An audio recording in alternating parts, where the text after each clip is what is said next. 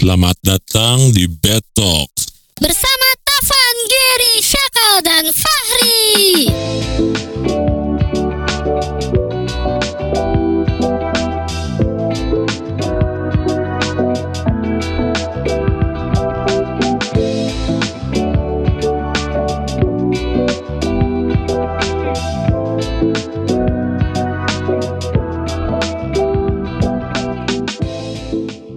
Jadinya Alamatnya sekarang di mana ini presenter kita satu ini Syaka? dalam Eh, ore, setelah sekian lama tepuk tangan, tepuk tangan, tepuk tangan. Eh, Akhirnya, mungkin kalau misalnya tepuk kamu yang tangan. lagi Ntar aing media mana media? Biar menuju. ya, kalau kalau kalau Oh ada fiturnya. ada ada, nggak Selamat jelek banget tiba-tiba tiba-tiba siapa yang bertiga lah sana tepuk tangan tuh kayak apa gitu. Enggak, video kali ini emang bakal, bakal spesial karena kita bakal kecap sama Syakal juga yang udah lama tidak apa ya tidak menjadi apa namanya sensor sensor bagi kita bertiga. Apalagi Filter, episode filter. kemarin ya yang 18 plus plus. plus plus Ya, jadi sih aing aing aing mah masih merasa aing teh bukan sensor. Aing teh karena kalau misalnya ada aing aing yang nyemplung maraneh yang ini semenjak gak ada yang nyemplung jadinya semua pengen masuk jurang kayak berlomba-lomba kenapa ini Lomba-lomba. Eh, balik lagi kita mau ini aja eh, kayak pengen nanya-nanya soal kehidupan di Belanda yang pasti sangat beda dengan kehidupan di Indonesia FYI aja ini Syakal berarti udah tiga bulan ya Kal di Belanda kurang lebih lah tiga bulan di Nah. dalam setengah bulannya di ini di Rotterdam Oh, Rotterdam. Mungkin pertanyaan paling basic ya. Ketika orang-orang nanya pada apa ya julu- julukan kalau misalnya yang di di luar negeri itu namanya Eh, diaspora apa Diaspora. Diaspora. Yes. Kepada diaspora kita satu ini. Apa sih kalau shocknya yang pertama kali di Belanda ketika nyampe Belanda? ini sih mungkin ini rada agak agak gimana tapi pengalaman dan ini pengalaman yang agak aneh bagi orang dan kalau misalnya nanya ke orang-orang juga mungkin ada yang nggak punya pengalaman kayak orang juga jadi orang tuh kan penerbangan tuh pakai China Airlines kayak sekitar di total-total 18 sampai 20 jam orang juga agak lupa Hmm. terus ada transit dulu di Taiwan nah itu tuh toiletnya aing nggak cocok kan toilet di Taiwan Taiwan. jadi aing menahan Enggak, boker enggak, sorry, sampai sorry. Emang toilet 15 Taiwan jam gimana? toilet Taiwan tuh ya udah kayak ini apa kayak kayak toilet biasa cuma orang nggak serak aja gitu sih toilet bandaranya karena Vibes-nya si nggak nggak banget ya. vibes-nya nggak banget lah buat boker kayak ya itu mau, mau meninggalkan bagian dari diri aing di negara itu gitu jadi aing ngerasa kayak "Ah, jangan aja Oh dikira banyak ini kalau banyak eh, ayam crispy. nah jadi eh, karena di Taiwan aing nggak nah kayak gini nih filter gitu itu barannya lupa mulu dulu tuh dulu tuh aing yang paling jago nimpa kemarin Bentar, yang bentar, nimpa. bentar, bentar. Ma- Mana, mana, yang mana nggak ikut mentoring waktu itu kalau nggak? Jokes tuh harus ada konteksnya kal, harus ditimpali kal.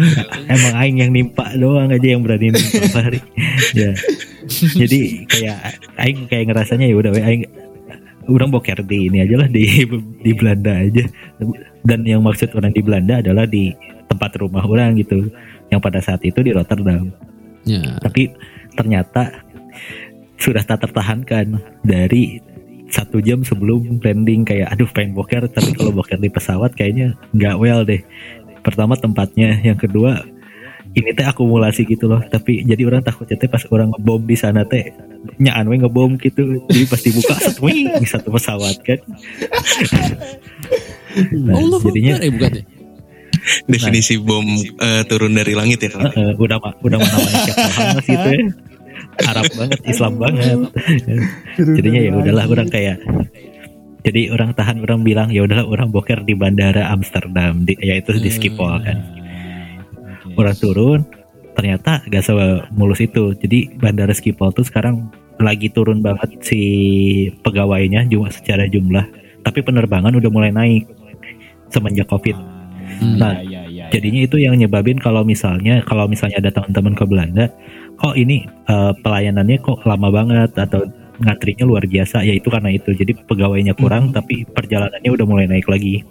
Hmm, Jadi- kayak kereta jati ya. Kalau Kertajati mah emang gak ada penerbangannya. Oh. eh udah ada sekarang umroh kan di Kertajati kal. Ya, sekarang mah kan jadi gudang.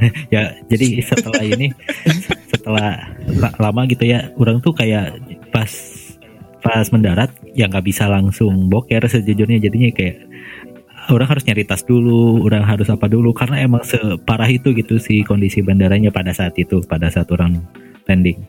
Nah akhirnya setelah semua aman sudah tertahankan, Aing bilang aku boker saja lah. Ya, Aing masuk ke salah satu toilet bandara. Lalu Aing Ya ternyata toilet cewek. nggak toilet cowok tapi tapi aing melakukan segala urusan kan set set set set ternyata tidak ada tombol flashnya Wah, jadi terus ternyata sistem eh, sistem di bandara ya sistem di bandaranya ini dry flash app jadinya dia tuh ngeflash setiap 7 menit sekali Astagfirullah. Aing gak kebayang sih kalau misalnya Hmm, jadi Itu zone. sangat efektif untuk pengolahan limbah Jadi, eh, ini kuat. ya, limbah fekal ya. iya karena karena mereka tuh kan emang renewable banget kayak uh, Hmm. environmental uh, environmentally friendly jadinya ya sampai segitunya. Sampai-sampai tai manusia pun dikumpulkan dulu untuk nge-flash sekali. Dan itu tapi kalau jadi yang orang lihat adalah gimana di sini tuh benar-benar mereka benar-benar peduli banget lah sama lingkungan dalam artian eh mana bisa jual botol. Jadi kayak botol-botol yang dibeli di supermarket mana bisa balikin mana jual gitu. Jadi ntar duitnya ada yang balik lagi ke mana buat di recycle sampai eh, di sini juga eh, kayak beberapa jurusan juga ada yang benar-benar into banget sama climate change dan sebagainya. Itu sih yang orang suka juga. Tapi yang benar-benar culture culture shock tuh yang tadi yang kayak benar-benar ini teh hal yang biasa gitu. Pup tai. Tapi tapi kalau bukan di toilet bandara mah aman.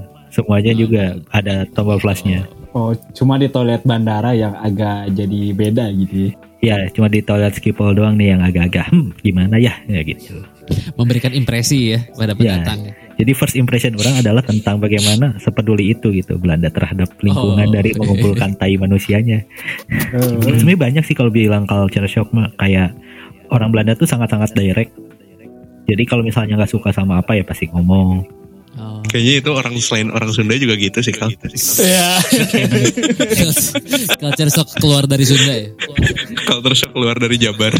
tapi brutally honest gitu kalau misal kalau misalnya kalau misalnya orang-orang Indonesia tuh at least masih ada rasa nggak enak kalau ini tuh karena mereka sangat profesional jadinya ya udah gitu gak ada hard feeling bahkan ketika mereka menerima kritik pun gak ada hard feeling kan kalau misalnya di Indonesia mah mana mau orang Jakarta mau orang apa digoblokin karena mana nggak benar tuh ya masuk hati kalau di sini bisa jadi nggak masuk hati karena mereka sadar gitu itu mah kritik Jadi sangat Hmm. open terhadap diskusi. Bukan kalau misalnya ada masalah, ada yang nggak kritik, diajak tanding diring ya.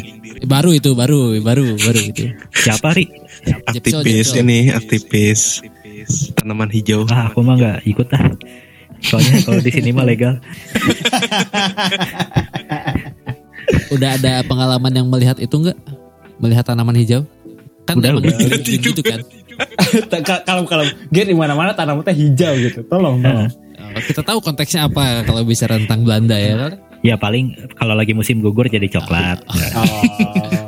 Itu kayak gini ya, kayak konteksnya nangor dengan tai sapi ya. Aduh, aduh, aduh. papet kita Aduh. kita Aduh. langsungkan saja emang bisnis sampingannya tuh banyak papet tuh ada susu Susu. Iya. Ada dagingnya. Susu, susu. Ada jamur tapi kok di peternakan. iya bukan di pertanian kan aneh sekali kok jamur yang jualnya anak peternakan jamur apa ini konsumennya juga anak ITB Waduh. ITB Ganesha kan maksudnya. buat lab buat lab. Eh, bu- buat diuji soalnya Hmm, hmm. diuji kenceng gak nih Pahlawan devisa negara Jatinangor kan ini. sama ayam geprek ya Ya itu eh, solusi ketika pasangan kamu bingung mau makan apa, jawabannya mau makan apa bebas. Nah, kalau di Nangor ada tempat namanya bebas. Cuma tadi Apa ya ngomongin pertanyaannya, soal Kal, ya? eh, Enggak Sal. santai aja ya tentang ini kan tanaman yang lima tadi tuh, yang berjari lima. Apakah mana pernah secara langsung? kalau di sini susah sih dapat daun singkong mah ya ya sih benar sih. Mana kira rumah makan Padang ya? Agak susah sih dapat daun singkong di sini ya. Enggak kal, bukan singkong kal. Ini tanaman khas eh, Ya ganja ya. Aceh, Aceh, Aceh. Kalau ganja Yang itu cara eh, ininya apa namanya tuh ngeberantasnya dibakar ya? Iya. kalau di Indonesia langsung ini ya, gele ya. biar merasakan itu ya. Tapi kan Gimana sekarang bisa? sudah tidak lagi ya. Gimana di? Salam presisi ya. Eh, Ya. waduh waduh waduh Mentang-mentang syak. Mentang-mentang udah jauh aing. Mentang-mentang jauh. Walaupun eh, SMS spam masih masuk ya. Masih masih masih masuk. SMS slot. Coba mana bayangin ada yang SMS ke Belanda pinjol anjir. Ya nilai banget. Niat Mahal. banget. Mahal itu Mahal. SMS. -nya. Mahal Bayar dari bayar SMS. biaya roaming, iklan judi sama pi- pinjol doang. Ya, kalau misalnya ganja sih di sini kayak sebenarnya gampang. Ah, ini ada yang unik juga sebenarnya. Jadi kalau misalnya di kota-kota gede bakalan gampang. Tapi kalau misalnya di kota kecil tuh agak susah sih sebenarnya. Cuma kalau misalnya dibilang ada atau enggak, ada. Dan emang ya ya udah legal aja. Bahkan ya ada pengalaman juga orang lagi diam di Rotterdam, lagi di taman, tiba-tiba ada hobo datang ke Oh. orang terus na- nawarin gitu, nawarin ganja ke orang kan ya orang langsung kabur pada saat itu juga karena ya takut diapa-apain juga karena takut di Mental saya belum gimana siap. Lebih ketakut dirampok juga sih. Jadi kayak orang ya udahlah orang jauh dulu jauh itu padahal lagi nyobain sepeda aja baru dapat sepeda. Sama eh, ya ada pengalaman juga. Ada lagi nongkrong gitulah. Di suatu tempat sama beberapa teman terus ya mencium bau-bau gitu lah apa ini ya? Rokok biasa kah? Terus teman orang ini nyeletuk ih nggak suka ih bau ganja tuh. Hah? jadi ganja? Iya ganja. Tahu. Ya, Tahu. Gue nah, tahu itu dia kok dia tahu. Kan udah biasa thinking mungkin temennya orang dia Aceh tahu ya. dia nah dia tuh emang udah pernah ke Belanda dulu. Dia kayak dua Ah, tahun di Rotterdam ya. gitu. Jadi emang udah tahu. Bau-bau ya ya bau-baunya itu sudah tidak asing lah ya udah akrab. Udah akrab. Udah sebuah kepiting ya. nah, tapi Kalau makanya misalnya kayak Akrab. Nah, tapi kalau misalnya orang lihat nih eh, ada beberapa juga fenomena kayak gini. Ada beberapa teman Belanda orang yang kayak eh, memperingatkan, "Kal, kalau misalnya datang ke coffee shop itu pastikan menggunakan ejaan bahasa Belanda. Yang coffee yang pakai K O F F I E. Jangan yang pakai ejaan bahasa ba- Inggris, coffee." Soalnya kalau yang coffee itu soft drug. kalau misalnya yang pakai bahasa Belanda itu kopi beneran. Jadi kalau misalnya mau kopi beneran itu yang pakai ejaan bahasa Belanda. sumpah yang kayak gitu. Bener bener bener ini, ini mah bener. Jadi Wah deodoran aing merek itu lagi. bu- buat teman-teman yang mau ke Belanda juga ya hati-hati ya kalau mau oh, aku mau kopi nih. Ya. Pastikan kopinya pakai bahasa Belanda. Ber- berarti itu bukan sok keren itu fungsional ya. Iya emang emang beneran emang beneran jadi hati-hati aja. Enggak sesuatu ah, kopi guten tag jadi orang Belanda enggak ya, karena udah terbiasa. Kayak kalau misalnya di Sunda harus bisa bedain mana opium, mana opium ya. Bisa cuma Bisa, bisa. cuma emang kalau untuk soft drug ini ya teman-teman orang juga ada yang maksudnya teman-teman dari Belanda juga ada yang udah pernah nyoba ya jadi emang suatu hal yang cukup lumrah walaupun bukan yang hal yang wajar banget gitu Oh iya iya paham. paham. Jadi apa ya? ada yang yang ngaku gitu aing pernah nyoba ada Dan tadi kan sempet ini kan, mana sempet nyinggung tentang sepeda. Nah, Aing mau nanya, kalau sepeda di sana, ini enggak rebutan jalan nggak sama mobil? Sampai nerobos lampu merah enggak gitu. di sini kalau di kalau di Indonesia mah kan eh, sepeda tuh malah dipakai info rider ya kalau ditabrak malah yang marah yang sepeda ya kalau padahal dia yang Kalau ini di mas sepedanya jalan jadi Ford Rider ya. Kalau misalnya di Belanda tuh kebanyakan jalur tuh separated. Jadi dipisah antara mobil sama sepeda. Ada separator fisiknya gitu atau emang jalurnya? Emang kepisah. Jadi kayak kayak ada ya kayak ada median jalannya lagi gitulah. Jadi emang emang ya Jakarta udah. ya yang yang orang mau bongkar itu ya. Ya yang gara-gara ada anggota DPR tuh yang susah datang gara-gara ada itu apa? Ada ya jalur sepeda ya yang kayak gitu yang mau dibongkar. Tapi gak tinggi sih karena emang lebih beradab aja si yang pakai sepeda. Tapi kalau misalnya kita jujur-jujuran yang pakai mobil di sini juga nyetirnya sama ngaconya sih kayak di Indonesia. Iya, nge- ngerem tuh Hmm, nyetirnya ancur-ancuran ya. Uset. nggak hancur-hancuran. Kita harus pakai bahasa Belanda ya, pakai istilah Belanda ya. Anjur-anjuran. Eta mah istilah was Justin. nah, ini. Kalau nyetir lah, mau nyusul itu ngubur pantat dulu nggak tuh? Orang-orangnya muka bengkoang gitu nggak kal? Ya, kalau tergantung sih kalau yang nyetirnya atlet badminton sih lebih beradab lah. lebih beradab lah. Cuma nggak, maksudnya kalau misalnya di sini tuh emang orang-orang remnya tuh ngedadak banget kalau nyetir. Dan tapi ini sih yang satu lagi yang mungkin agak nyambung juga. Sebenarnya orang Belanda tuh gak eh, naik sepeda-sepeda amat. Kalau jauh mah tetap naik mobil. Ka- kan kebetulan orang juga belajar di sini tuh belajar transport kan. Di ada statistiknya kalau misalnya emang secara jumlah mobil sama sepeda tuh deket-deketan. Cuma kalau secara jarak eh, mobil itu jauh lebih banyak. Jadi kalau misalnya kita simpulin sebenarnya Belanda itu tuh gak terlalu negara yang sepeda banget. Karena kalau jauh ya tetap naik mobil gitu Tapi kalau Aing tuh pernah baca terkait tentang sepeda ini, jadi katanya tuh sejarahnya justru sebenarnya eh, sepeda tuh baru digantiin tahun 1800-an menjelang 1900 awal nggak sih? Ketika waktu pas industri mobil dalam negerinya Belanda tuh lesu maksudnya jadi nggak ada jadinya untuk menggantikannya jadi eh, ngakalin pakai sepeda gitu. ya itu Padahal dulu betul, tuh betul. mayoritas kota di Belanda tuh eh, apa namanya tuh yang mobil sentris ya. Belanda tuh sampai sekarang sebenarnya bisa dibilang mobil sentris Hmm. Cuma emang emang wajah di dunianya itu sepeda banget. Padahal kalau misalnya kita mau ngelihat yang sepeda banget tuh malah ke Denmark. Denmark tuh bah- bahkan sampai bikin jalan layang cuma buat sepeda doang. Cuma kalau misalnya kita bilang Belanda ini apakah berarti buat sepedanya jelek? Ya enggak bagus banget justru. Jadi Belanda ini tuh kom- komplit pisan. Mana itu secara transportasi alternatifnya ada semua. Mau naik kendaraan pribadi secara mobil bisa secara sepeda bisa Piaggio oke aya Vespa teh Beat beat aja tuh beat. itu yang naiknya fuckboy nggak kal?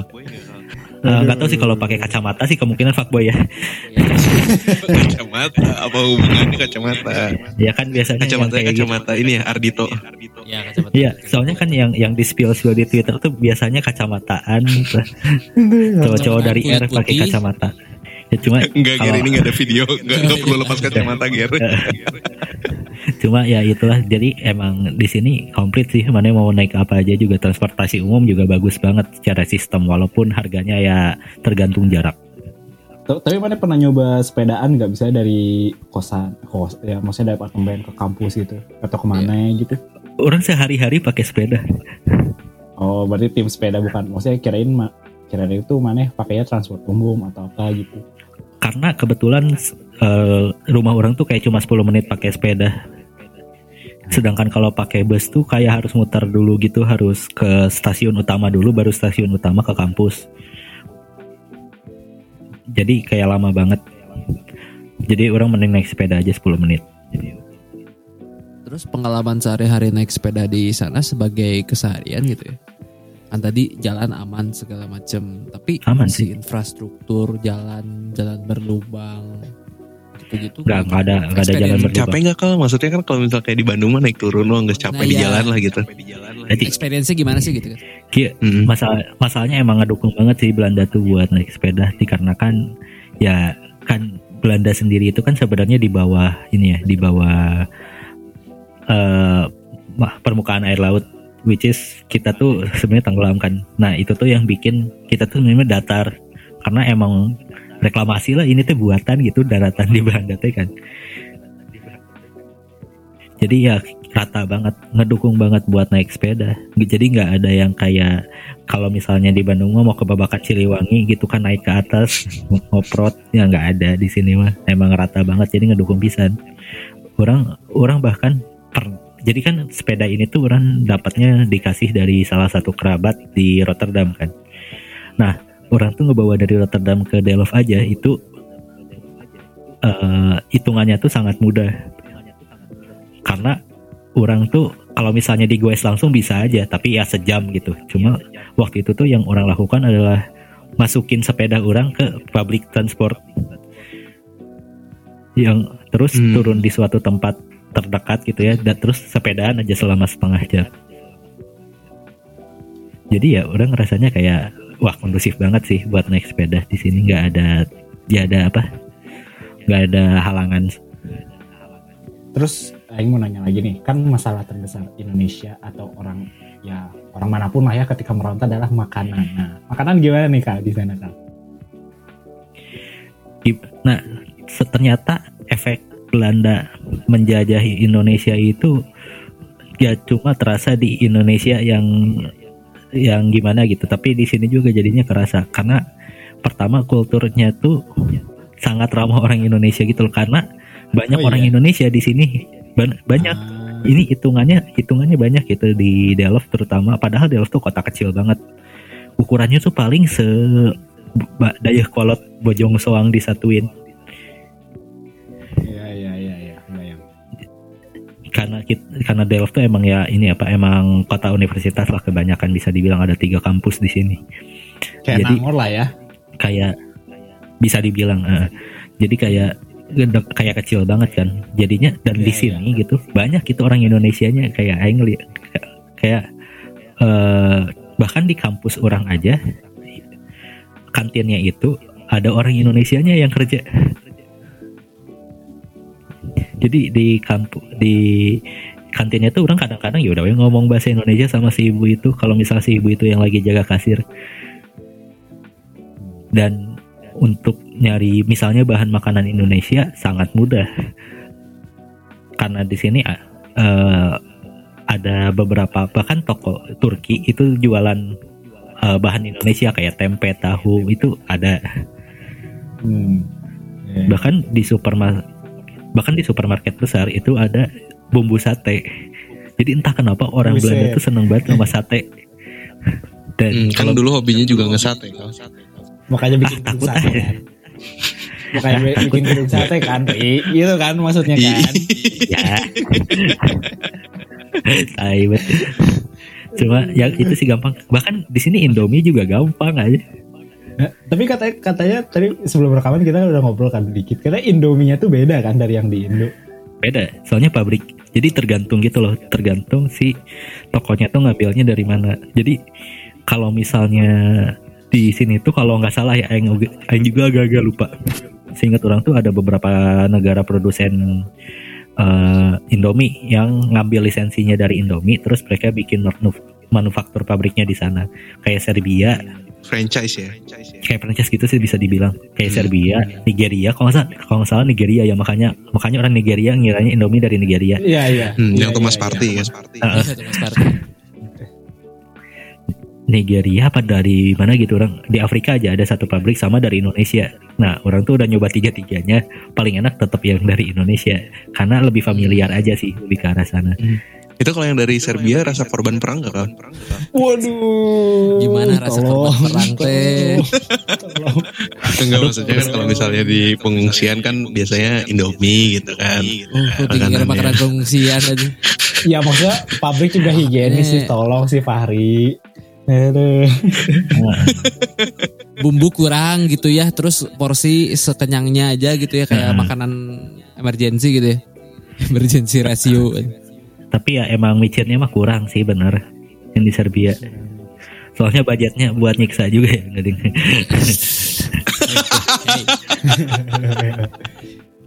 Harga sumber daya manusianya mahal ya nggak kayak di Asia. Heeh. Aduh. Aduh. Aduh. ya gitu sih. Ta- tapi serius dah supermarket besar juga jual Indomie kok kayak Jumbo kalau di sini salah satunya itu jual Oh, Indomie. Iya, iya. Tapi mana nyoba makanan-makanan lokal gitu gak sih? Ada yang Jujur Ini ikan haring kal, ikan haring. haring Nah, haring. ikan haring keju, itu keju, keju. kalau keju mah pasti sih. Cuma kalau misalnya ikan herring kayak gitu yang benar-benar tradisionalnya Belanda, kayak orang eh, nggak pernah nyoba sih sejujurnya karena lebih ke takut aja sih aing sama ikan herringnya, sama kualitas ikannya sih lebih ke kualitas ikannya. Jadi agak masih agak ini apa? Masih agak insecure kalau misalnya mau makan harus nyobain di tempat yang benar-benar proper dulu gitu loh. Karena sebenarnya ada aja sih yang jual kalau misalnya mau beli mah. Cuma paling yang orang benar-benar suka eh, makanan Belanda sejauh ini itu lekker bacon. Iya. Hmm. leker bacon Ya, di Malang kayak- juga ada sih kali itu.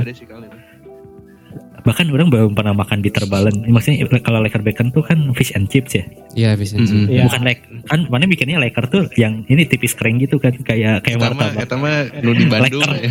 ya, eh, kan kalau di Bandung beda leker karena beda Heeh. coba kalau di sini tuh leker bacon tuh fish and chips cuy gitu Mhm. tapi enak banget emang karena emang Belanda juga dekat sama laut jadi ya enak juga sih yang kayak gituannya Fish and chipsnya bener-bener khas ya fishnya gitu kan si rasa laut. iya Bener fish. Rasa laut. kumaha rasa laut teh Cita rasa fresh lah gitu intinya mah. ya Pangandaran kira rasa laut kira. T- Tapi tanyain fish and chip kan. Nah, Ada aja kalau di bisnisnya. nah bisa bisa ger kalau mau kita bisa bisniskan mulai sekarang fish and chips di Pang- Pangandaran gitu Pangandaran mah kajian ka karya bahari Aisyah mau makan kangkung Jambal jeung- roti, jeung Pangandaran. jambal roti nah, eta jambal roti saingan eta jambal roti. Jambal roti itu fish and chip na Pangandaran ya mana? Heeh, betul betul. Eh, saya eta saingan. membaik eh si Fahri joknya udah nggak ada teh alhamdulillah kan Kan perbaikan tempat terus ya. sudah sudah perbaikan selera sudah humor ditempa. sudah sudah dilatih Sudah ikut Jadi- workshop. Hmm, kan sekarang mah udah podcast Fahri dan Tafan bukan podcast Tafan doang. oh gitu alhamdulillah ya gitu mah alhamdulillah padahal mah cuma bikin akun noise doang anjir emang Setengah mati ini. Eh. apa tapi emang menarik lah Belanda emang emang enggak Ah, pertanyaannya kak setelah eh, experience ada lagi nggak yang mau nanya? Kalau orang mau nanyanya mungkin lebih ke ini soalnya setelah mengalami experience itu persepsi tentang eh, pulang ke kampung halaman tuh berubah nggak sih? dalam artian apa? Se- kalau Dalam misalnya artian jadi males pulang gitu. yang bikin aing males pulang mah cuma di perjalanan sih karena capek ya Aduh harus boker lagi. Takut. Nahan boker di Taiwan. Aing takutnya nih aing takutnya tiba-tiba aing nyampe Indonesia. Teh Indonesia tiba-tiba melek environmental issue gitu loh. Oh. dry flash juga. Dry flash juga enggak sih. Kan lagi Enggak di- kalau masih manual dan masih ada bidet. kan. ya tapi itu sih kayak maksudnya eh, orang lebih menghargai Indonesia dalam artian kadang-kadang tuh orang-orang sih orang-orang sini bukannya ngejudge ngejudge atau mengeneralisasi ya tapi ketika kita menceritakan negara kita tuh banyak yang keluarnya malah jeleknya. Karena emang dibandingin sama Belanda ya ya jujur aja emang agak kebanting ya. Jauh cuma orang akhirnya banyak menghargai apa yang orang gak punya di sini tapi bisa orang gampang dapatkan di Indonesia misalnya eh, kemudahan dalam beribadah kayak di sini kan eh, di Belanda tuh kampusnya nggak nyediain musola Oh, sama dan Bentar bentar kemudian dalam Eh, bentar, bentar. beribadahnya Iya. tergantung agamanya kal. Ya kalau Kan kalau di sini masih ada yang dipersulit bikin gereja gitu kan. oh, oh Nah, Kan ya di ini sini juga ada konteksnya ada gereja juga emang tapi tapi Ri, di Belanda juga ada gereja belum tentu ada yang datang Ya, di sini juga masih banyak belum tentu penuh. waduh Waduh. Sebenarnya sama aja berarti kan. ya mana yang datang ri mana yang salah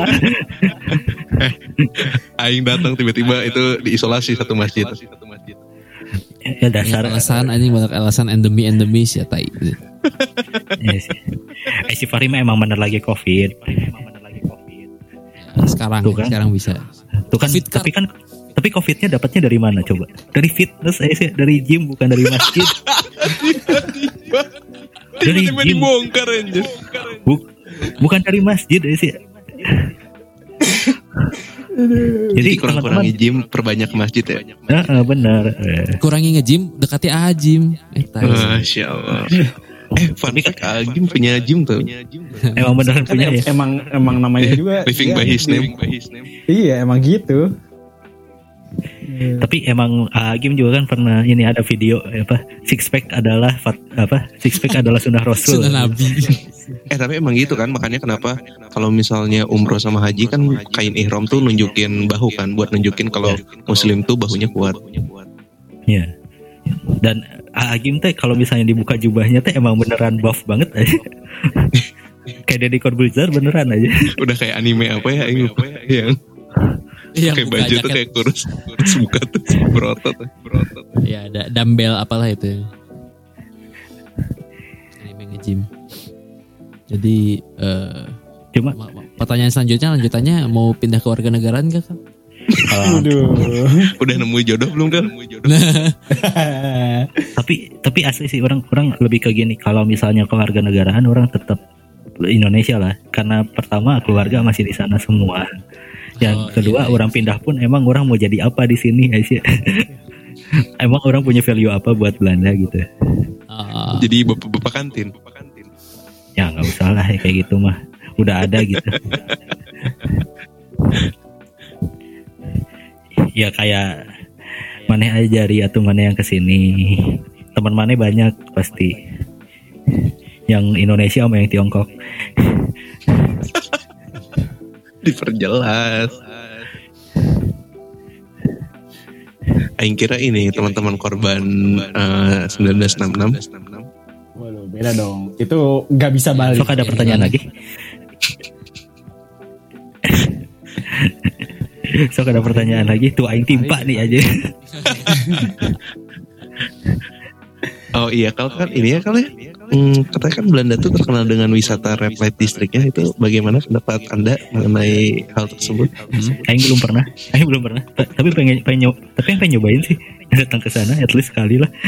pengen nyobain, udah Nggak, maksudnya- pengen nyobain keju, pengen nyobain makanan gitu. Enggak maksudnya bukan nyobain itunya, cuma Aing pengen lewat aja, aja, gitu. Soalnya kan lewat. pengen nyobain datang aja.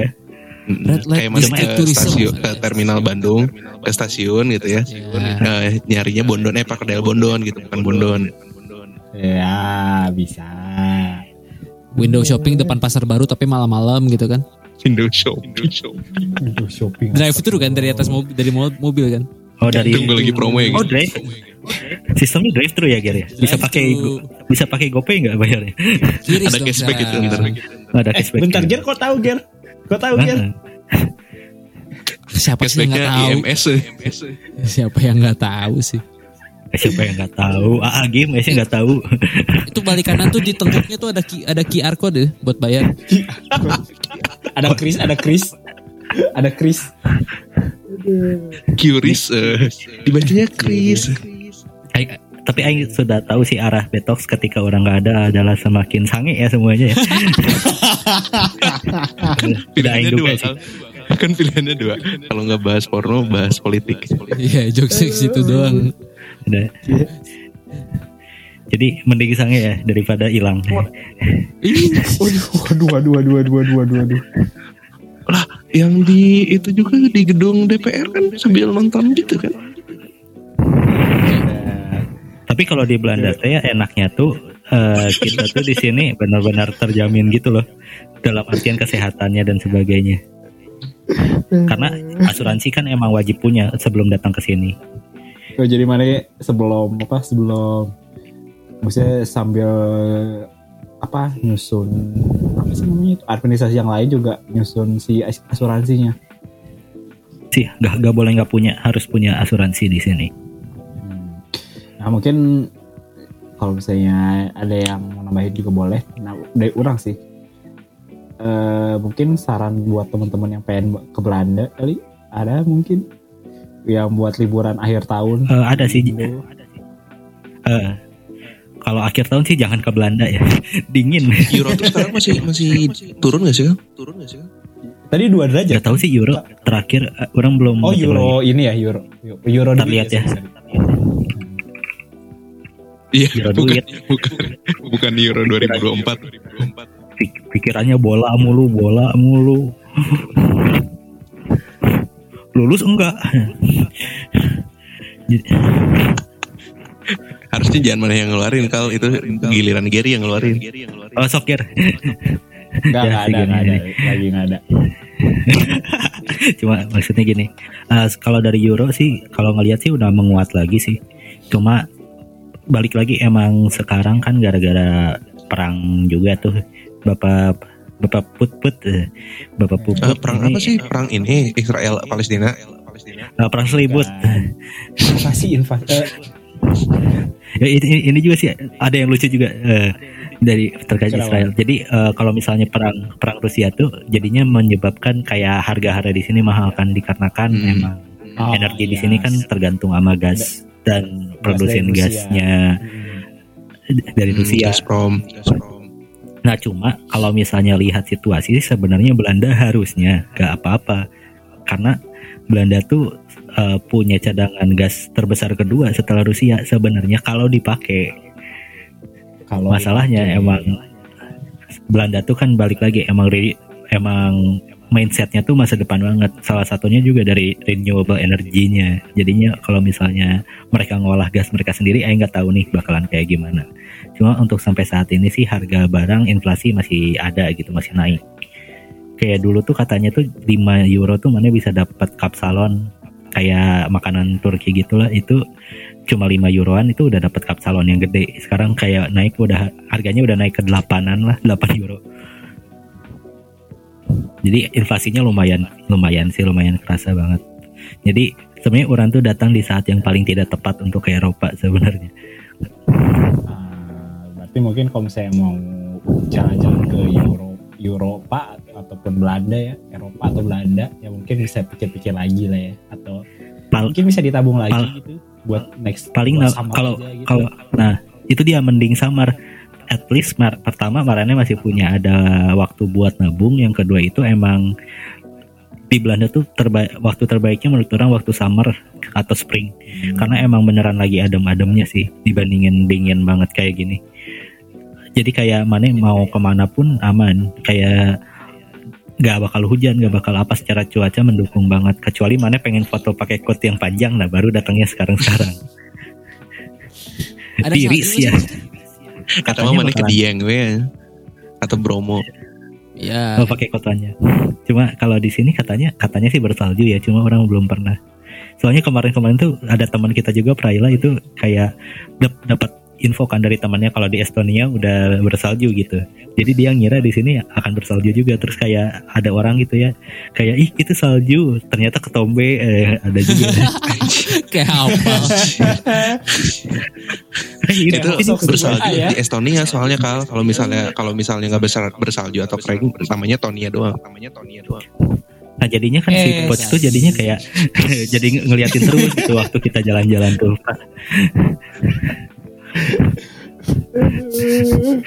Gini caranya. kalau lagi jelek mah aku timpa, kalau lagi bagus mah aing mah fair free. aing mah fair.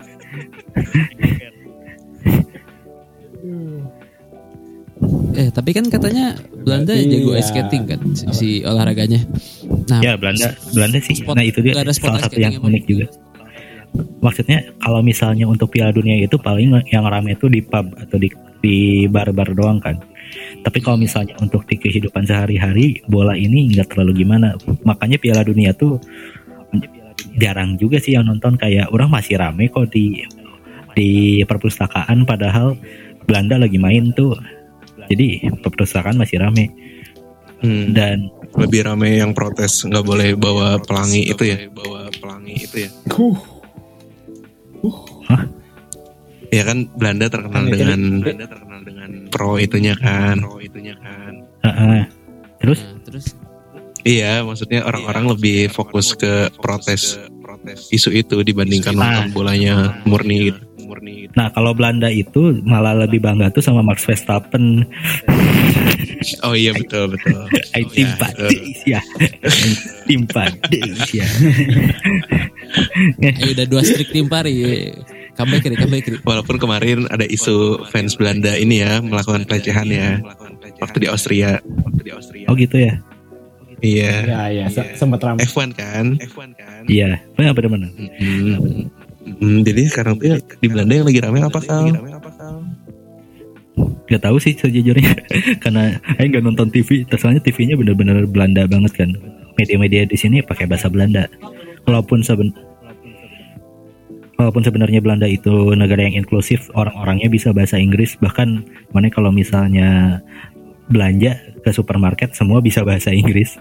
Tapi ya tetap aja sih mereka tuh eh, terpusat di Belanda banget media-medianya dan sebagainya. Jadi orang nggak terlalu banyak tahu info mengenai Belanda. Paling inflasi itu sih yang paling kerasa banget. Soalnya sampai ada beberapa ini beberapa demo yang kayak gitulah. Demonya tuh biasanya dilakuinnya sama ini pekerja di public transport. Bakar halte enggak? Bakar kayaknya ban di depan halte ya kak Ger. Nggak, kalau di Indonesia kan haltenya yang dibakar ya. Kalau di sini mah nggak ada Iya. sih. Bisa diperjelas. Nggak, soalnya apa? kayaknya mereka sadar juga di sini kan pajaknya tinggi banget. Jadi kayak mikir ini teh duit aing oge. Jadi solusinya untuk tidak banyak demo tuh naikin pajak ya. Supaya rasa memilikannya tuh ada. Eh, Ipul mana Ipul? Hmm. Soalnya kan kalau di Indonesia mah bayar pajak aja enggak ya. Rusak iya. Iya. Eh, Lah kan ngapain bayar pajak tau gue Astagfirullah. Cuma kalau misalnya ke Belanda buat belajar menurut orang tuh eh, buat teman-teman yang emang belajarnya itu di bidang teknik atau gimana nggak usah ragu sih emang di sini sih salah satu tempat yang menarik gitu karena emang mereka risetnya juga bagus apalagi buat teman-teman yang concernnya juga lingkungan atau environment salah satunya Belanda tuh bisa jadi tujuan. Karena eh, misalnya teknik sipil dan sebagainya ya udah ngarah ke sana. Bahkan di sini eh, kalau misalnya di kampus orang tuh ada yang baru gitu eh, spesialisasinya yaitu construction material. Which is di sana tuh kita cuma ngeriset tentang bahan bahan konstruksi yang bisa buat ini buat eh, ramah lingkungan bahkan sekarang concern kita juga udah ke arah ini nih Eh, gimana caranya kita bangun bangunan di Mars Buset. Cocok ya itu orang Jawa kuliah di sana. Biar jadi kuli Jawa membangun Mars. Lagi-lagi, lagi. ya boleh lah boleh lah boleh lah boleh lah boleh boleh, boleh, boleh. Gak, tapi Aing buat aja sih kalau misalnya mau sekolah bola terus jadi coach bisa nggak di sana? Kayaknya kalau di sini sih nggak usah sekolah bola juga kalau pulang ke Indonesia mah jadi coach. Gelar coachnya jatuh dari langit.